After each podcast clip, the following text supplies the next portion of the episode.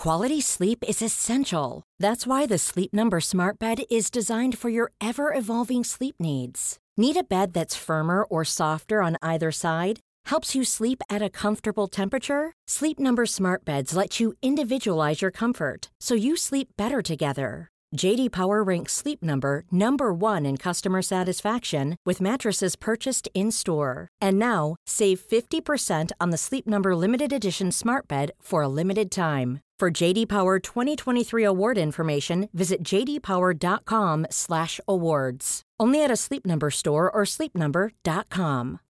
Since 2013, Bombas has donated over 100 million socks, underwear, and t-shirts to those facing homelessness.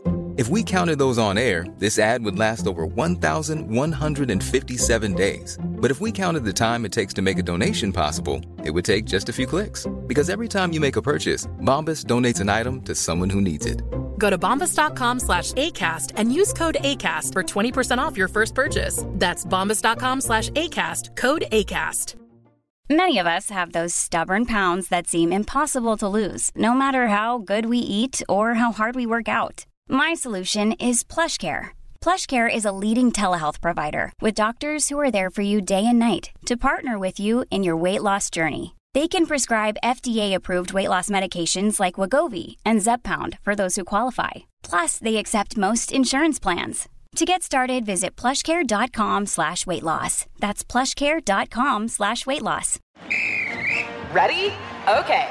Give me a beach. Beach. Give me great food. Tacos. Give me adventure. Hiking. Give me a date night. Sunset cruise. Give me some smiles. Cheese. Give me more beaches. Beaches. What's that spell? San Diego. If you're happy and you know it, San Diego is the place to show it. Book your trip at san diego.org. Funded in part with the City of San Diego Tourism Marketing District Assessment Funds. I'm amazed how many people own stocks. They, they would not be able to tell you why they own it. They couldn't say in a minute or less why they own it. Actually, if you really press them down, they'd say the reason I own this is the sucker's going up. There's enough cash in the financial system, and there is an infinite amount of cash at the Federal Reserve. An infinite amount Put of cash. Put that check in a money market mutual fund. Then we'll reinvest the earnings into foreign currency accounts with compounding interest, and it's gone. So they had to do something. All they had left was just to print money and start buying things. And that's what they did. Quick buck artists come and go with every bull market, but the steady players make it through the bear market. They say money can't buy happiness. Look at the fucking smile on my face. Hej och välkommen till ett nytt avsnitt av Market Makers. Och här sitter vi Fabian, båda två med näsorna kvar. Varför nämner jag det tror du? ja, det var ju han Beyond Meat-chefen. Han blev lite hungrig, han har inte ätit kött på länge. Nej, precis. Han, han blev så sugen på kött så han har tydligen bitit en man i näsan. Det är ju tragiskt förstås, men uh, den aktien föll också nästan 7% på det här beskedet. Glömt ändå att det bara faller 7% Gör sin personal till zombies. Jag hade förväntat mig att det hade, hade varit ännu mer. Ja, verkligen. Shit. Ja, hör du, det blir ett väldigt blandat avsnitt idag. Vi kommer prata lite elektronik och gaming. Vi kommer prata en hel del makro såklart. Inflation förstås, vilket är på allas läppar. Idag gick ju Riksbanken ut och höjde, det kommer vi prata om lite grann. Ja, och sen har du också en liten, en liten playbook från Buffett som du kommer plocka fram också dagen till ära. Ja, så, som den eh, ooriginella kille jag är så går man ju direkt till Buffett när det är så här svåra tider. Eh, och, men framförallt andra stjärninvesterare, jag tycker att det är otroligt värdefullt, framförallt i år, och eh, läsa om deras strategi, framförallt vad deras strategi var innan de blev stora eh, och framförallt försöka komma fram till vad man själv... Det är så lätt att misstolka deras strategi. Jag ser väldigt många som gör det hela tiden. Eh, så försöka få någonting nytt ur det varje gång man läser om det. Ja, och det är i de här tiderna som rikedomar skapas någonstans. Även om det kan bli fortsatt svettigt några kvartal framåt så någonstans handlar det alltid om att i stora nedgångar, saker blir billigare, det är då man kan liksom ackumulera och göra bra grejer. Och det är då det gäller också att påminna sig själv om varför man håller på med det här, att man är långsiktig och så vidare. och så vidare. Men du, oavsett vad vi eller Buffett gör så ska man komma till inte någon rådgivande rekommendation. Vi berättar om vår process, hur vi tänker, gör alltid en egen analys och glöm aldrig att alla investeringar är förknippade med risk. Veckans trade görs i samarbete med Robomarkets, precis som vanligt. Det är en europeisk multi-asset-mäklare med över 12 000 instrument att handla. Och Robomarkets har CFDs på aktier, ETF, index, råvaror, valutor och givetvis krypto också. Dessutom kan man på Robomarkets handla också på valutakonto så man undviker onödiga växlingsavgifter. Robomarkets har lokal närvaro samt kundsupport på svenska. Man är reglerad av tyska finansinspektionen. och framförallt så har man otroligt attraktiva villkor med låga courtage och tajta spreadar. Tillsammans med Robomarkets kommer vi varje vecka lyfta fram någon intressant investering eller tradingidé som du kan utforska vidare på deras plattform. Och för förra veckan pratade vi till exempel om ethereum som vi trodde skulle kunna bli en sell the news-scenario här i och med eh, the merge som inträffade. Och det vart det ju verkligen. Eh, senast igår nu så att den var ner 10% till. Men vad tänkte vi prata om den här veckan för trade? Ja, eh, den här veckan tänkte vi slå ett slag för Robomarkets tematiska ETFer. För det är ju så, vi pratar eh, rätt många exotiska innehav just nu, eh, drillers och eh, halvledare i konstiga länder. Och det finns många som hör av sig, inte är jättebekväma med att eh, köpa individuella innehav eller analysera individuella innehav, men fortfarande vill ha exponering. Vad kan man göra då? Jo, då kan man ju köpa en tematisk ETF. Eh, är du till exempel intresserad av oljeservicebolagen eller drillers, men inte riktigt har kunskapen bakom att förstå vart riskerna är i de individuella bolagen, men ändå vill ta del av en eventuell uppsida, eh, så finns ju till exempel ETFen Dow Jones US Select Oil Equipment, en Services Index, samt eh, en ren, en ren Oil Service ETF. Är du intresserad av halvledare? Ja, då finns det en Semiconductor ETF. Eller är du intresserad av gaming och gambling? Ja, då finns det en gaming-ETF. Det finns väldigt, väldigt många olika ETFer beroende på ditt intresseområde på Robomarket. Så vill du veta mer om Robomarkets, besök då robomarkets.se och följ deras Twitterkonto, at robomarkets.se. Länkar finns såklart i avsnittsbeskrivningen. Och är du nyfiken på att testa går det alltid att skapa demokonto för att känna och klämma på plattformen. Och som med alla investeringar är det viktigt att man förstår hur instrumenten fungerar. Handel med CFDs innebär alltid en hög risk för pengar och det är viktigt att vara påläst innan man handlar. Fullständig riskinformation finns på Robomarkets hemsida. Vi säger stort, stort tack till Robomarkets. Ja, jag ser i min anteckning att du ville börja prata lite om Stanley Druckenmiller. Det måste ändå vara topp tre där, kanske världens vassaste, klipskaste investerare, eller? Ja, det beror på hur man, hur man, eh, hur, hur man tänker. Han fick ju ordentligt med stryk under IT-bubblan, men eh, Annars är han väl, han är väl ja, hyfsad. Nu syftar jag på vassaste och då menar jag liksom klipska. Alltså, känns som en smart kille, bra på att formulera sina tankar. Ja, så är det absolut. Det finns en anledning varför han inte heter Drunken Miller. ja, det var jävligt tråkigt. Men eh, han var i alla fall, han blev intervjuad av Palantir och eh, det var väldigt intressant för det han säger är att han tror att det kommer vara en hög sannolikhet att aktiemarknaden kommer trada flat de kommande tio åren. Och det tror jag väldigt, väldigt många, amerikanska aktiemarknaden pratar om här, eh, men det tror jag att många inte riktigt är beredda för, på. Eh, och det här är faktiskt enligt honom bullcaset.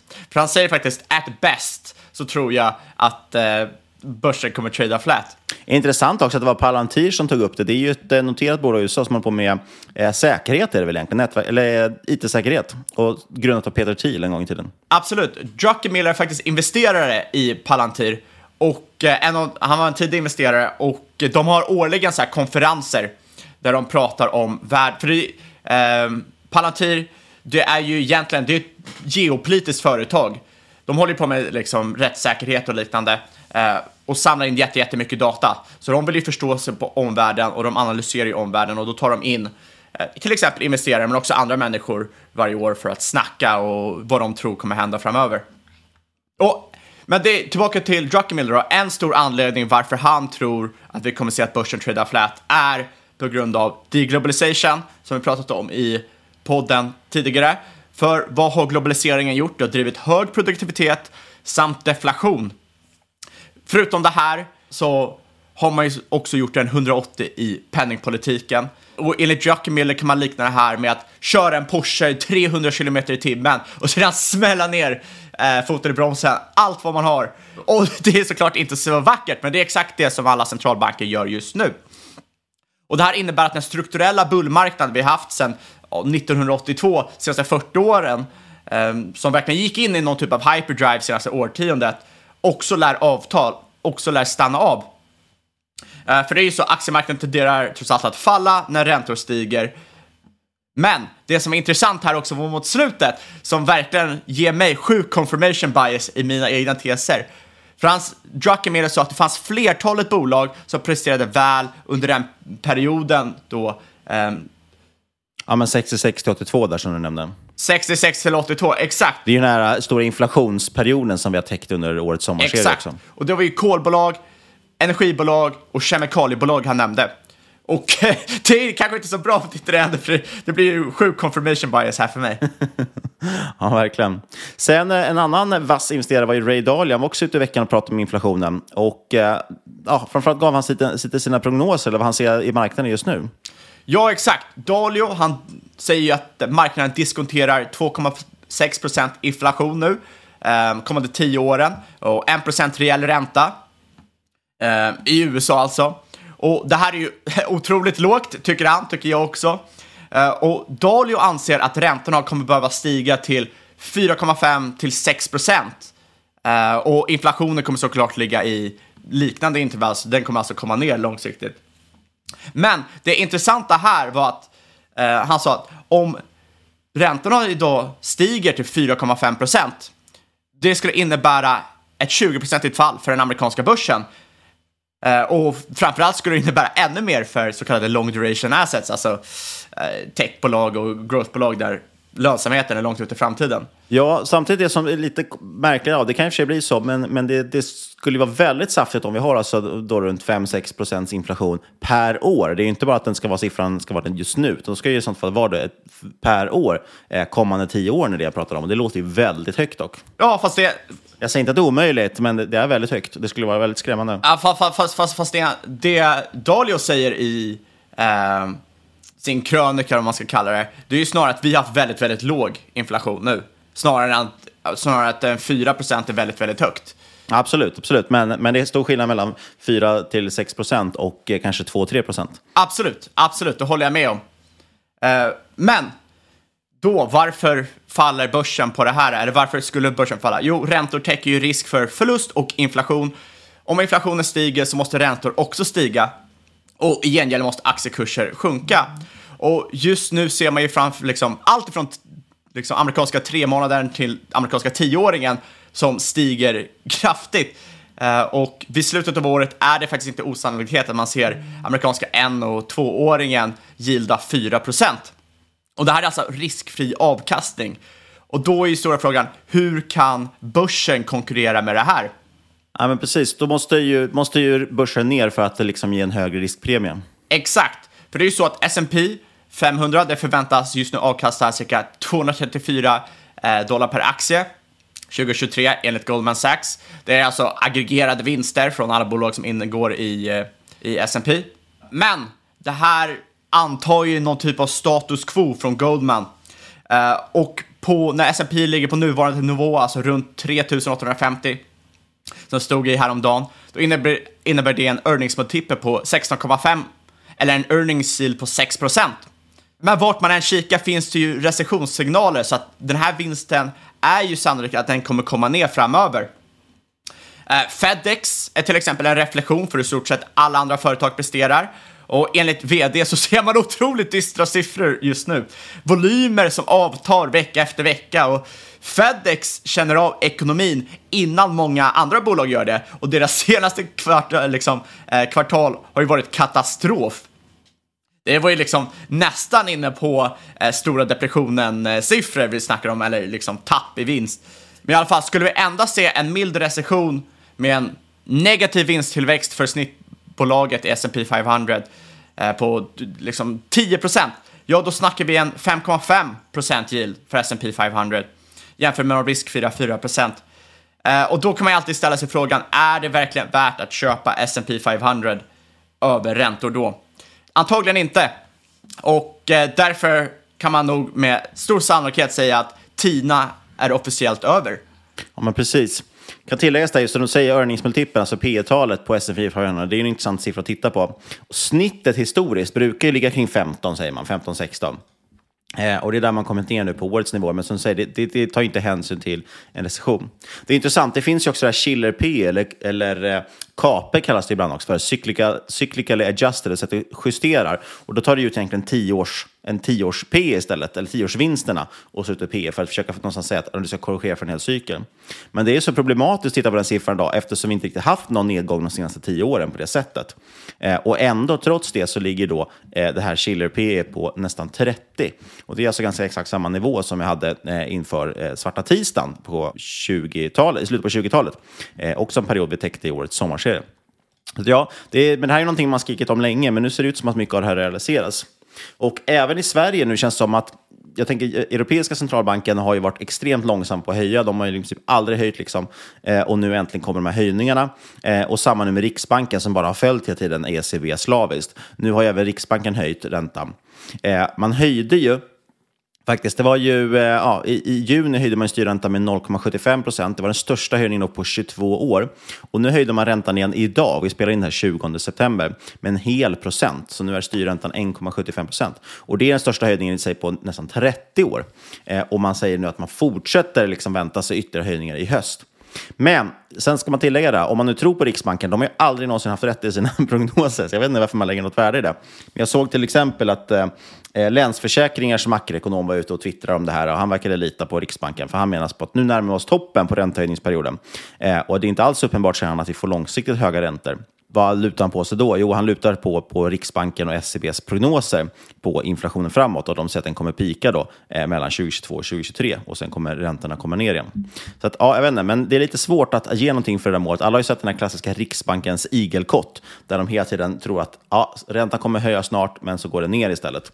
Eh, och varför skulle det nu stämma åt andra hållet? Då? Ja, jag håller, jag håller helt med där. Och framförallt när man kikar så, jag menar, om jämför med Sveriges inflationssiffror och sen jämför med vad räntan ligger, det känns som det är ett extremt gap där. Jag tycker fortfarande att räntan ser otroligt låg ut.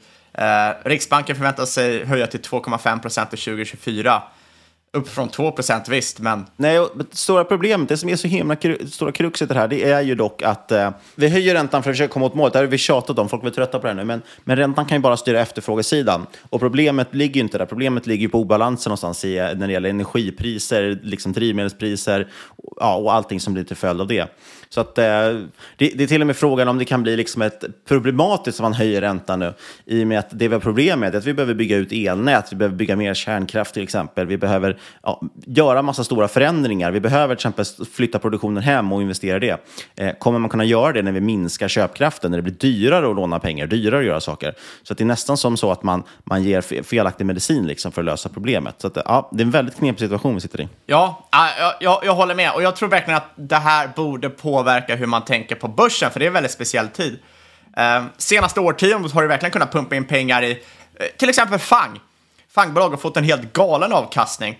Eh, och jag tror inte att det kommer vara så längre. Eh, det är i alla fall så jag positionerar mig, som ni säkert har märkt. För det är ju så liksom, när räntan går mot noll, som har sett senaste årtiondet, då går ju värderingar mot oändligheten. Eh, och sen, FANG har inte gått mot oändlighet, men SAS-bolag och liknande har ju varit extremt dyra. Va- va- Varför kontra lite dock? För det, det är lätt att man ger en väldigt dyster syn. Det finns väldigt mycket saker där ute dock som, som handlas till kanske P 10 någonting och, och lägre till och med ibland. Så det finns ju fortfarande case att hitta där ute. Det nu pratar vi lite indexnivå, men på case-nivå finns det absolut saker att göra. Sen ska man räkna med att okej, men om vi har en recession, ja då kommer vi ha kanske några kvartal som är väldigt svaga. Men många av de här kvalitetsbolagen Men, som det, har... men det har jag inte sagt. Jag sa, jag, jag sa att du inte kan gå in och bara köpa FANG blint. Ja, Okej, ja, absolut. Ja, jag, jag, bara jag vill bara för, ge lite optimism till lyssnarna i alla fall. Men absolut, det har du helt rätt i. Man kan inte blint köpa index Nej, jag, på samma jag, nivå. jag, jag, du får inte handla som en klantskalle. Du kan inte bara köpa saker blint, för då kommer du bli fuckad nu. Du har haft en otroligt lätt årtionde. Alla som har tjänat pengar senaste årtiondet har gjort det gratis på grund av likviditeten i marknaden. Eller de har tjänat utan att kunna tänka, inklusive jag själv. Nu ändras det ju att du måste ju faktiskt göra någonting vettigt, annars kommer du förlora pengar för du blir otroligt straffad nu. Och det tror jag att det kommer vara. Jag tror att liksom, köper du otroligt dyra bolag nu så kommer du, eller köpte du 2021 och sitter kvar på dem kan du behöva vänta otroligt länge för att få avkastning på dina pengar, om ens någonsin. Där håller jag med helt och hållet. Ja, det kanske ska bli eh, poddens nya tagline. Investera inte som en klantskalle. Vilket är otroligt lätt att göra. Jag själv gör det hela tiden, liksom, så att det är inte så att jag försöker avskriva mig och säga att jag är smart eller någonting. Eh, men jag tycker att det är otroligt bra att gå tillbaka och kolla på hur Buffett och liknande handlade historiskt. För att många läser Buffett, och det är lite som när folk läser Bibeln. De tar med sig det de vill ta med sig. Det är liksom... Cherry picking. Det, ja, det är exakt, det är cherry picking. Det är exakt som när, när folk läser om gamla kända investerare. De kollar Buffett och så förenklar de och tänker ja ah, men Buffett kör buy and hold och buy a good company at a fair price and rather than a fair company at a good price. Ja, men varför gör han det? Eh, för många tänker att det här är det bästa sättet att investera. Men det är troligtvis inte därför han gör det. Va? han gör det för att det är det enda han kan göra just nu. Berkshire är trots allt ett av USAs största noterade bolag. Eh, och det är väldigt lätt att tänka sig här att Buffett byggt, eh, bytte från till exempel cigar butt strategi till att köpa kvalitativa, kvalitativa bolag för att det är en bättre strategi långsiktigt. Eh, och jag har själv varit inne i det träsket, det är otroligt lätt att hamna där och tänka så. Men anledningen varför han kör den strategin är snarare för att han rattade för mycket pengar. Eh, snarare än att den strategin eh, slutade fungera. Sen idag måste du göra lite annorlunda, du kan inte bara sitta och screena fram P2-bolag för det kommer vara value traps eller läsa i tidningen. Men det är fortfarande den strategin jag tror många nu måste vända sig till om de vill ha en stor överavkastning över tid. Buffett har ju själv sagt att om han hade en miljon i portföljen eh, så hade han kunnat avkasta 50% om året. Och hur hade han gjort det? Ja, det hade ju inte varit att köpa Fang eller Oxy eller Heinz. I alla fall inte långsiktigt ha en åter, liksom, upprepbar strategi. Han kanske hade kunnat ha tur ibland, men det hade inte gått att upprepa flera bolag. Han hade antagligen gjort som han brukade göra eh, för en jäkla massa år sedan. Han hade gått tillbaka till att köpa NetNets, liksom bolag som handlades till P1, special sits, arbitragelägen, eh, bolag som är helt förbisedda av marknaden, illikvida, extremt billiga. Men som sagt, det som är skillnaden nu på då, det är svårare, det säger han också. Eh, ett bo om du screenar fram ett bolag som är uppenbart billigt så är det antagligen skräp. Eh, det är väldigt stor sannolikhet att det är en value trap. Du är den tiotusende personen som kollar på det caset just nu. Eh, det finns en anledning varför det är billigt. Eh, så du måste kolla där, kika på bolag som inte alla andra kollar på. Eh, I dagsläget, förutsatt att det inte är på någon väldigt obskyr marknad, för du kunde ja, såklart hitta det, eh, men då kommer det finnas till exempel politisk risk och liknande. Kollar du på större börser, europeiska börser, amerikanska börser och så, så är det snarare liksom, hittar du ett P2-bolag så kommer det screena fram som ett P100-bolag, men du måste normalisera vinster Eh, och så liknande. Ja, samtidigt det är lite roligt att han säger att det har blivit svårare idag med tanke på att sist var det så att han fick gå till biblioteket eller beställa hem eh, liksom alla, eh, vad heter det?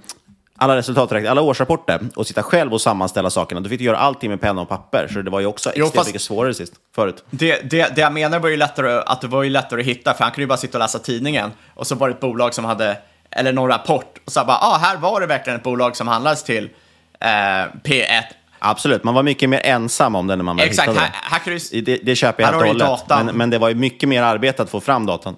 Annars hade ju alla gjort det. A, a, a, absolut, men det var ju verkligen så här, när du väl hittade det så tenderade det att stämma. I dagsläget är det tvärtom. Ja, så just nu tror jag verkligen att för de flesta investerare, framförallt retail, det bästa sättet är att försöka emulera det här försöka hitta sjukt billiga bolag, framförallt kassaflöden. Som sagt, börsen premierar i sådana här lägen short duration assets. Det är alltså bolag som pumpar ut extrema kassaflöden. Och framförallt så med relativa korta katalysatorer där caset kanske spelar ut sig på en, två år och sen kan du flippa det här, du har väldigt hög IRR. För jag tror att i de här liksom, tiderna är det otroligt viktigt att begränsa nedsidan, Eh, mycket viktigare än vad det var för bara en, två år sedan, där du kunde göra sjuka misstag och inte bli straffad alls i stort sett. Eh, och nu är det tvärtom, gör du ett li väldigt litet misstag så kan du eh, ligga back 20, 30, 40 procent i ett case. Eh, och det tar lång tid att återhämta sig. Och problemet är ju då om du går på liksom större kvalitetsbolag och compounder som var väldigt populära de senaste tio åren, så är det stor risk att du, får, att, att du gör fel. För att det enda sättet du kan värdera det här är liksom att forecasta framtida tillväxt och marginaler. Du måste rationalisera siffrorna i komplex Excel-störa. Och eh, därmed blir värderingsrisken otroligt hög för de här typen av bolag. Och i den här marknaden kan det vara ödesdigert. Det är väldigt lätt för retail-investerare att faktiskt pröjsa för mycket för ett eh, kvalitetsbolag.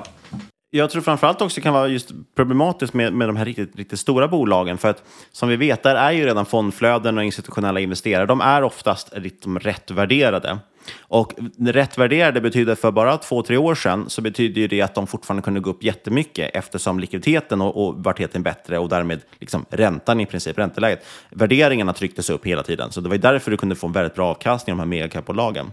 Idag då, om du istället har räntor som går åt andra hållet, då skulle de värderas ner hela tiden. Så det är liksom det som är inbakat i priset.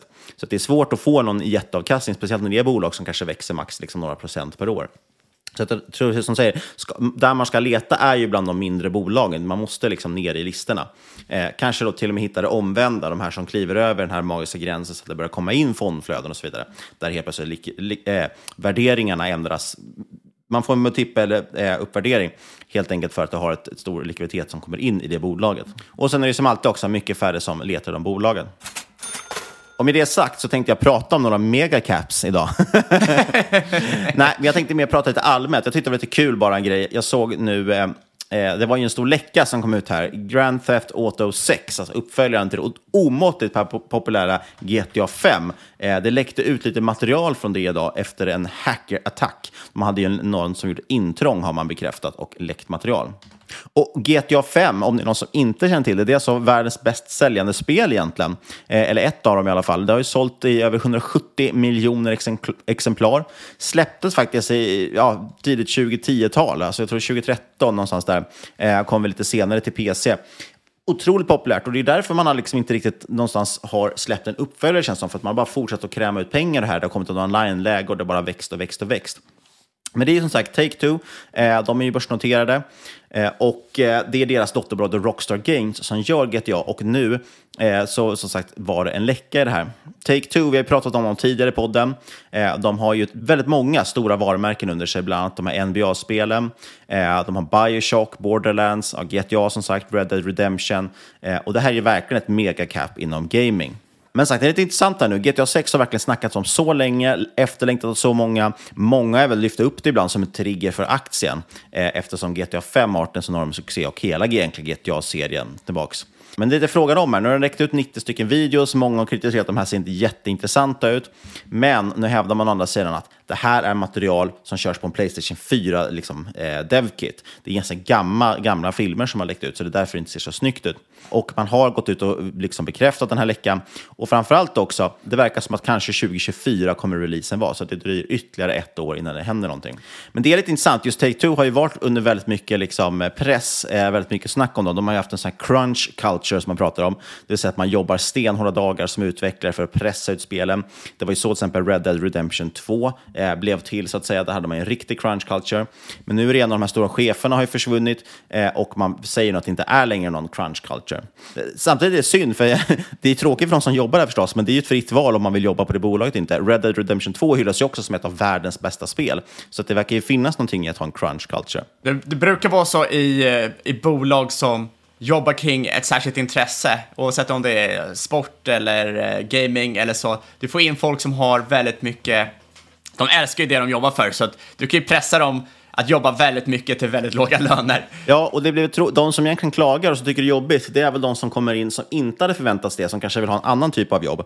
Eh, och så pressas de. Och nu menar jag inte att man ska spela ner deras liksom, känslor i det hela, men jag kan tänka mig att det finns de som också uppskattar crunch culture och framförallt brinner någonstans för den här konsten. Då. Eh, nu har det istället blivit tvärtom, man har tagit bort crunch culture, säger man. Även överlag känns det som att det, det går lite snack liksom att det, det blir lite mer woke inom citationstecken på Take-Two.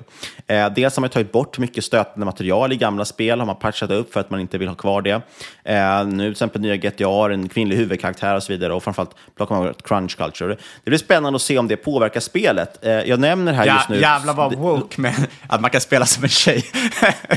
Nej, men det är ändå lite stort för just... Jag, jag nämner det för att Rockstar Games har varit kända för att det har varit så extremt vad ska man säga, edgy studio. De, de, har ju varit väldigt mycket åt andra hållet. Eh, det har ju varit väldigt mycket liksom slag under bältet, eh, mycket ganska hård, ofta egentligen satir eller parodi på saker och ting, men ändå väldigt hård liksom, kultur och hård eh, ton i det spel. De hade ju bland annat ett spel, det är bortglömt nu, de hade ju till och med ett spel som heter Bully, där du spelade en mobbare. Så jag menar, deras grej, och Grand Theft Auto bygger ju också på det här extremvåldet, liksom, att du stjäl bilar och, och, och, dödar folk och så vidare. Så att det är ändå intressant att just det bolaget verkar ta en sån riktning. Och vi ska se, hur det blir spännande att se hur det spelar ut liksom, för självspelet. Men nog om kultur, det kanske inte är det man lyssnar på den här podden för. Jag tyckte det var intressant också att lyfta bara, Take-Two, de köpte ju Zynga, det här mobilspelsföretaget. De la ju bud på det och där pratade vi om för, det var väl några månader sedan nu, när vi pratade lite om, vi nämnde ett antal sådana här budarbitrage man kunde göra, där det har lagts ett bud, men det, nu handlades aktien långt under budet. För Synga var ju börsnoterat och den handlades runt ja, 20 procent under budnivån. Samma sak ser vi i Microsoft. De har ju lagt ett bud på Activision Blizzard. Eh, och det handlas också runt någonstans 20 procent under budnivån. Och då lyfter vi det här som just lite lågrisk, ett sätt ställe att kanske parkera pengar där det är inte säkert att du får någon avkastning på det, men det är i alla fall också väldigt låg risk eftersom du kan liksom handla det långt under budnivån. Absolut, och så, så, sådana case är otroligt intressant nu, för senaste åren, du har inte sett de typen av spreadar. Men nu, nu kan du verkligen få inte garanterad avkastning, men du kan ju få den typen av avkastning till lägre risk än vad du annars skulle kunna få det. Ja, och, och det är det som är grejen. Att det är nödvändigtvis inte så att man får avkastning, men däremot är det kanske ganska säkert på så sätt att du inte tappar någon avkastning på det. Och jag tyckte det var intressant nu, för nu har ju det Synga-köpet gått igenom. Och det visar sig då, den betalas ju till viss del med egna aktier. Och därför visar sig den här nivån som Synga handlas på ganska, var ganska korrekt, eftersom Take-Two har ju sjunkit en hel del fram till att budet gick igenom. Så det var ungefär, ja det var ganska exakt där budet låg som du fick ut. Så det var ingen nedsida på det, men tyvärr fick man inte i det fallet heller någon uppsida. Eh, jag tyckte det var lite intressant att se hur det spelar ut. Eh, och tar man då Microsoft Activision, eh, det har inte gått igenom än. Man hoppas att det ska ske någon gång under hösten eller mot vintern. Men där är det ju väldigt mycket konkurrensgranskning och så, framförallt inom EU. Jag såg även att UK har varit ute och viftat ganska mycket om det där. Jag tror att det finns ändå fog för att nämna den risken. Eh, för att historiskt, EU har inte riktigt gillat Microsoft. Eh, många tycker att det uppköpet är lite för stort, gör Microsoft en alldeles för stor spelare på gaming-sidan och så vidare. Så jätteintressant att se den spela ut. Inte alls säker på att den, man får något jättestort arbitrage där, men samma sak står väl kvar som vi sa sist, att det är fortfarande jag tror inte att aktien faller ner särskilt mycket heller om det, om det inte skulle gå igenom. Nej, all, all, allmänt så tror jag att just när det kommer till de här fangbolagen och big tech-bolagen, det är ju där alla politiker har ögonen nu, alla som håller, sysslar med reglering har ögonen. Så att är det något annat bolag som gör ett uppköp, då känns det som att sannolikheten att det går igenom, även om det är ett jättestort bolag som typ Adobe med Figma, känns det som högre sannolikhet än om det är just Microsoft, Facebook, Google eh, och Amazon. Ja, men verkligen. Eh, hoppar vi tillbaka till Take-Two jag tycker fortsatt att det är ett jätteintressant bolag, eh, men det handlas nu till över P80. Det låter väldigt dyrt. Den har gått ner ganska mycket i år. Eh, jag vet inte om det är kopplat till det här budet, att man behövt lägga ut med väldigt mycket då. Eh, men känns spontant inte jätteattraktivt.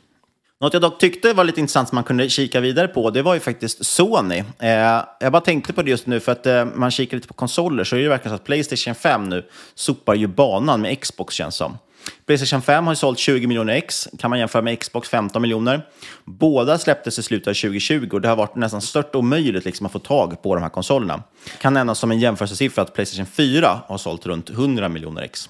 Sen har man ju sitt Playstation Plus. Alla går ju mot här olika typer av prenumerationsmodeller. Jag menar, Microsoft har ju briljerat med sitt eh, Game Pass som gäller för både Xbox och PC, där du får massor med gratisspel. Playstation har sitt egna som heter Playstation Plus. Lanserades för ja, drygt tio år sedan nu och idag har man faktiskt nästan 50 miljoner prenumeranter. Det är en stark siffra. Det blir nästan så att man måste ha det här när man har ett Playstation. Kanske ännu mer så nu när konsumenterna får sämre köpkraft. För det är billigare att prenumerera på det här och köra gratisspel än att gå ut och köpa 700 kronors spel i handeln. Sen har de också varit lite briljanta med Playstation 5. Den säljs ju två modeller, eller kanske finns fler modeller, men, men två modeller. Just, den signifikanta skillnaden är att den ena har en diskläsare och den andra inte. Och har du ingen diskläsare måste du köpa alla spel digitalt och då är det alltid till fullpris, vilket såklart gynnar Sony. Du köper dem också i deras shop, vilket gynnar Sony väldigt mycket. Medan om du går ut och köper dem, om du har diskläsaren, då kan du köpa begagnade spel av andra spelare och dessutom sälja dem vidare sen, vilket då är förlorade intäkter för Sony egentligen. Men Sony är ju faktiskt det är ett gigantiskt konglomerat verkligen. Eh, noterat på Tokyobörsen, men också spegelnoterad i USA, eh, med, på eh, New York Stock Exchange med ticken Sony. Eh, de har ju verkligen sjukt mycket. Du har ju, eh, man gör film med Sony Pictures. Eh, där har man till exempel haft rätten till Spiderman som har gått jättestarkt. Nu har man ju förhandlat fram någon form av deal med Marvel. Det är därför Spiderman inte var med i början i Marvel-universumet, för att det var Sony som hade rättigheterna till de filmerna. Men nu har man fått upp någon deal, så nu helt plötsligt är Spiderman med i Marvel Cinematic Universe också. Och man gör förstås också tv-apparater och andra grejer. Eh, men framförallt skulle jag säga att det man är starka inom, förutom gaming då med Playstation, eh, är faktiskt kameror eh, och bildsensorer. Även halvledarbusinessen är ganska stor. Till exempel har man runt 20 procent av marknaden för digitalkameror och nästan halva marknaden för kompakta systemkameror. Där är man faktiskt överlägset störst. Eh, sen har man mycket, mycket annat. Sony Music till exempel, ett av världens största skivbolag som äger andel i Tencent Music, de äger en andel av Spotify. Och det här är ett över 70 år gammalt bolag med ben i nästan allt inom elektronik. Nackdelen då, det tråkiga med det här förstås, eh, Japan är väldigt intressant. Vi har pratat om Japan förut, att det liksom blir mer aktieägarvänligt, man börjar mer fokusera på aktieägaravkastning. Och här har du ett jättegammalt kvalitetsbolag, men de har växt ganska långsamt. Man har legat kring kanske 2-3 procents tillväxt senaste åren, men nu tyvärr tappat en del efter corona. Men det har fortfarande 9% vinstmarginal och det här bolaget handlas till under P14 på rullande 12, så det får man ändå anse vara ganska billigt för ett stabilt bolag. Och dessutom, en liten liksom, extra kicker, det är att Japan känns ju otroligt mycket mer lockande än, Europa och USA till exempel nu. Jag såg till exempel bara någon siffra i eurozonen i USA räknar man ju nu med 50-60% chans för recession. Jag skulle kanske argumentera för att den risken ligger betydligt högre. Men Japan är siffran nere på bara 25 procent. Och dessutom har man fortfarande deflation i Japan. Man har inte alls de här inflationsproblemen som vi har riktigt än. Även om det kanske sprider sig dit också. Men man har så mycket annat som jobbar emot det. Det som har varit lite tråkigt över Sony, som har sänkt lite grann, det är ju, och som kopplar an till det här lite med inflationen och det vi pratade om tidigare, det är att de sänkte sin guidning för 2022 i senaste kvartalsrapporten. Eh, Trots att man då växte omsättningen 2% year over year och rörelseresultatet hela 10% så lyfter man ändå att nej, men vi ser lite sämre siffror framåt. Och framförallt deras Games and Network-del liksom, eh, var ett av de här sänkarna i rapporten. Och det tror jag kanske säger någonting intressant om konsumenterna framåt. För det är lite frågan om vilka som kommer kunna punga ut 5-6 tusen för Playstation 5 när man har en elräkning på 17 000 till exempel. Eh, hur många Playstation 5 kommer ligga under granen eh, när man knappt har råd att värma upp huset längre? Eller för den delen ha el att köra konsolen med. Det är den som är så svår att avgöra just nu, för man ser många eh, bolag som kanske handlas liksom P15. Men hur påverkade kommer de vara kommande åren av att konsumenten inte har råd att köpa någonting om, om det inträffar. Man vet ju aldrig. Kanske det blir så att folk har jättemycket pengar till Det verkar inte så jättetroligt just nu. Vi får väl se. Regeringen kanske betalar ut något elbidrag den 23 december. det blir perfekt. Får mer fart i inflationen ännu mer.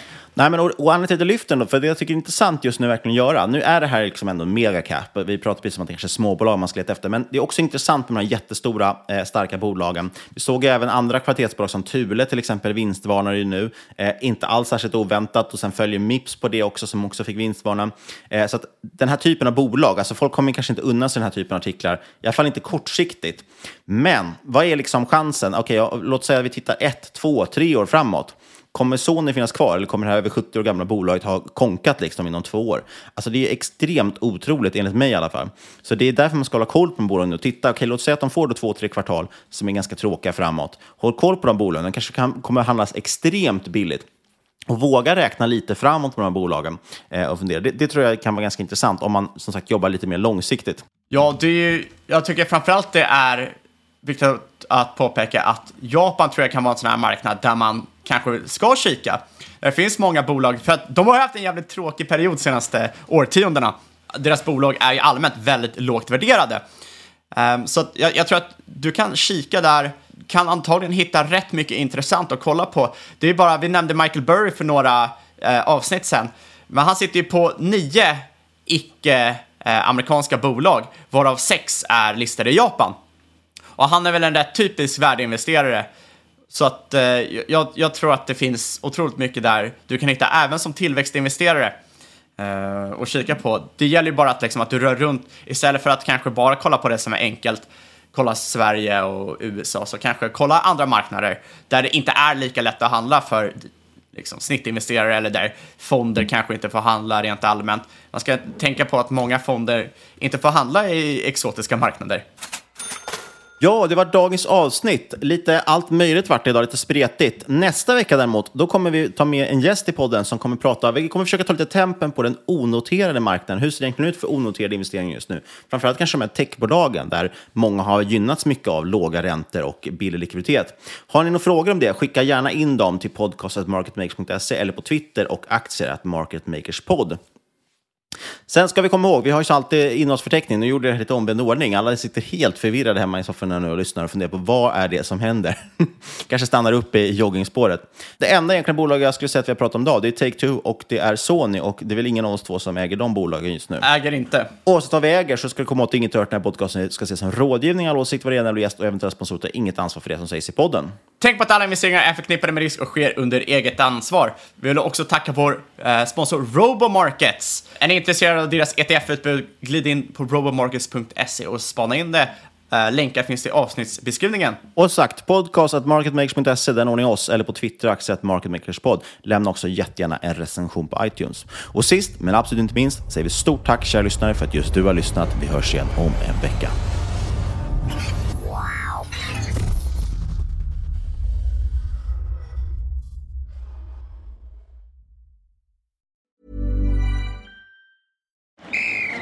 Ready? Okay.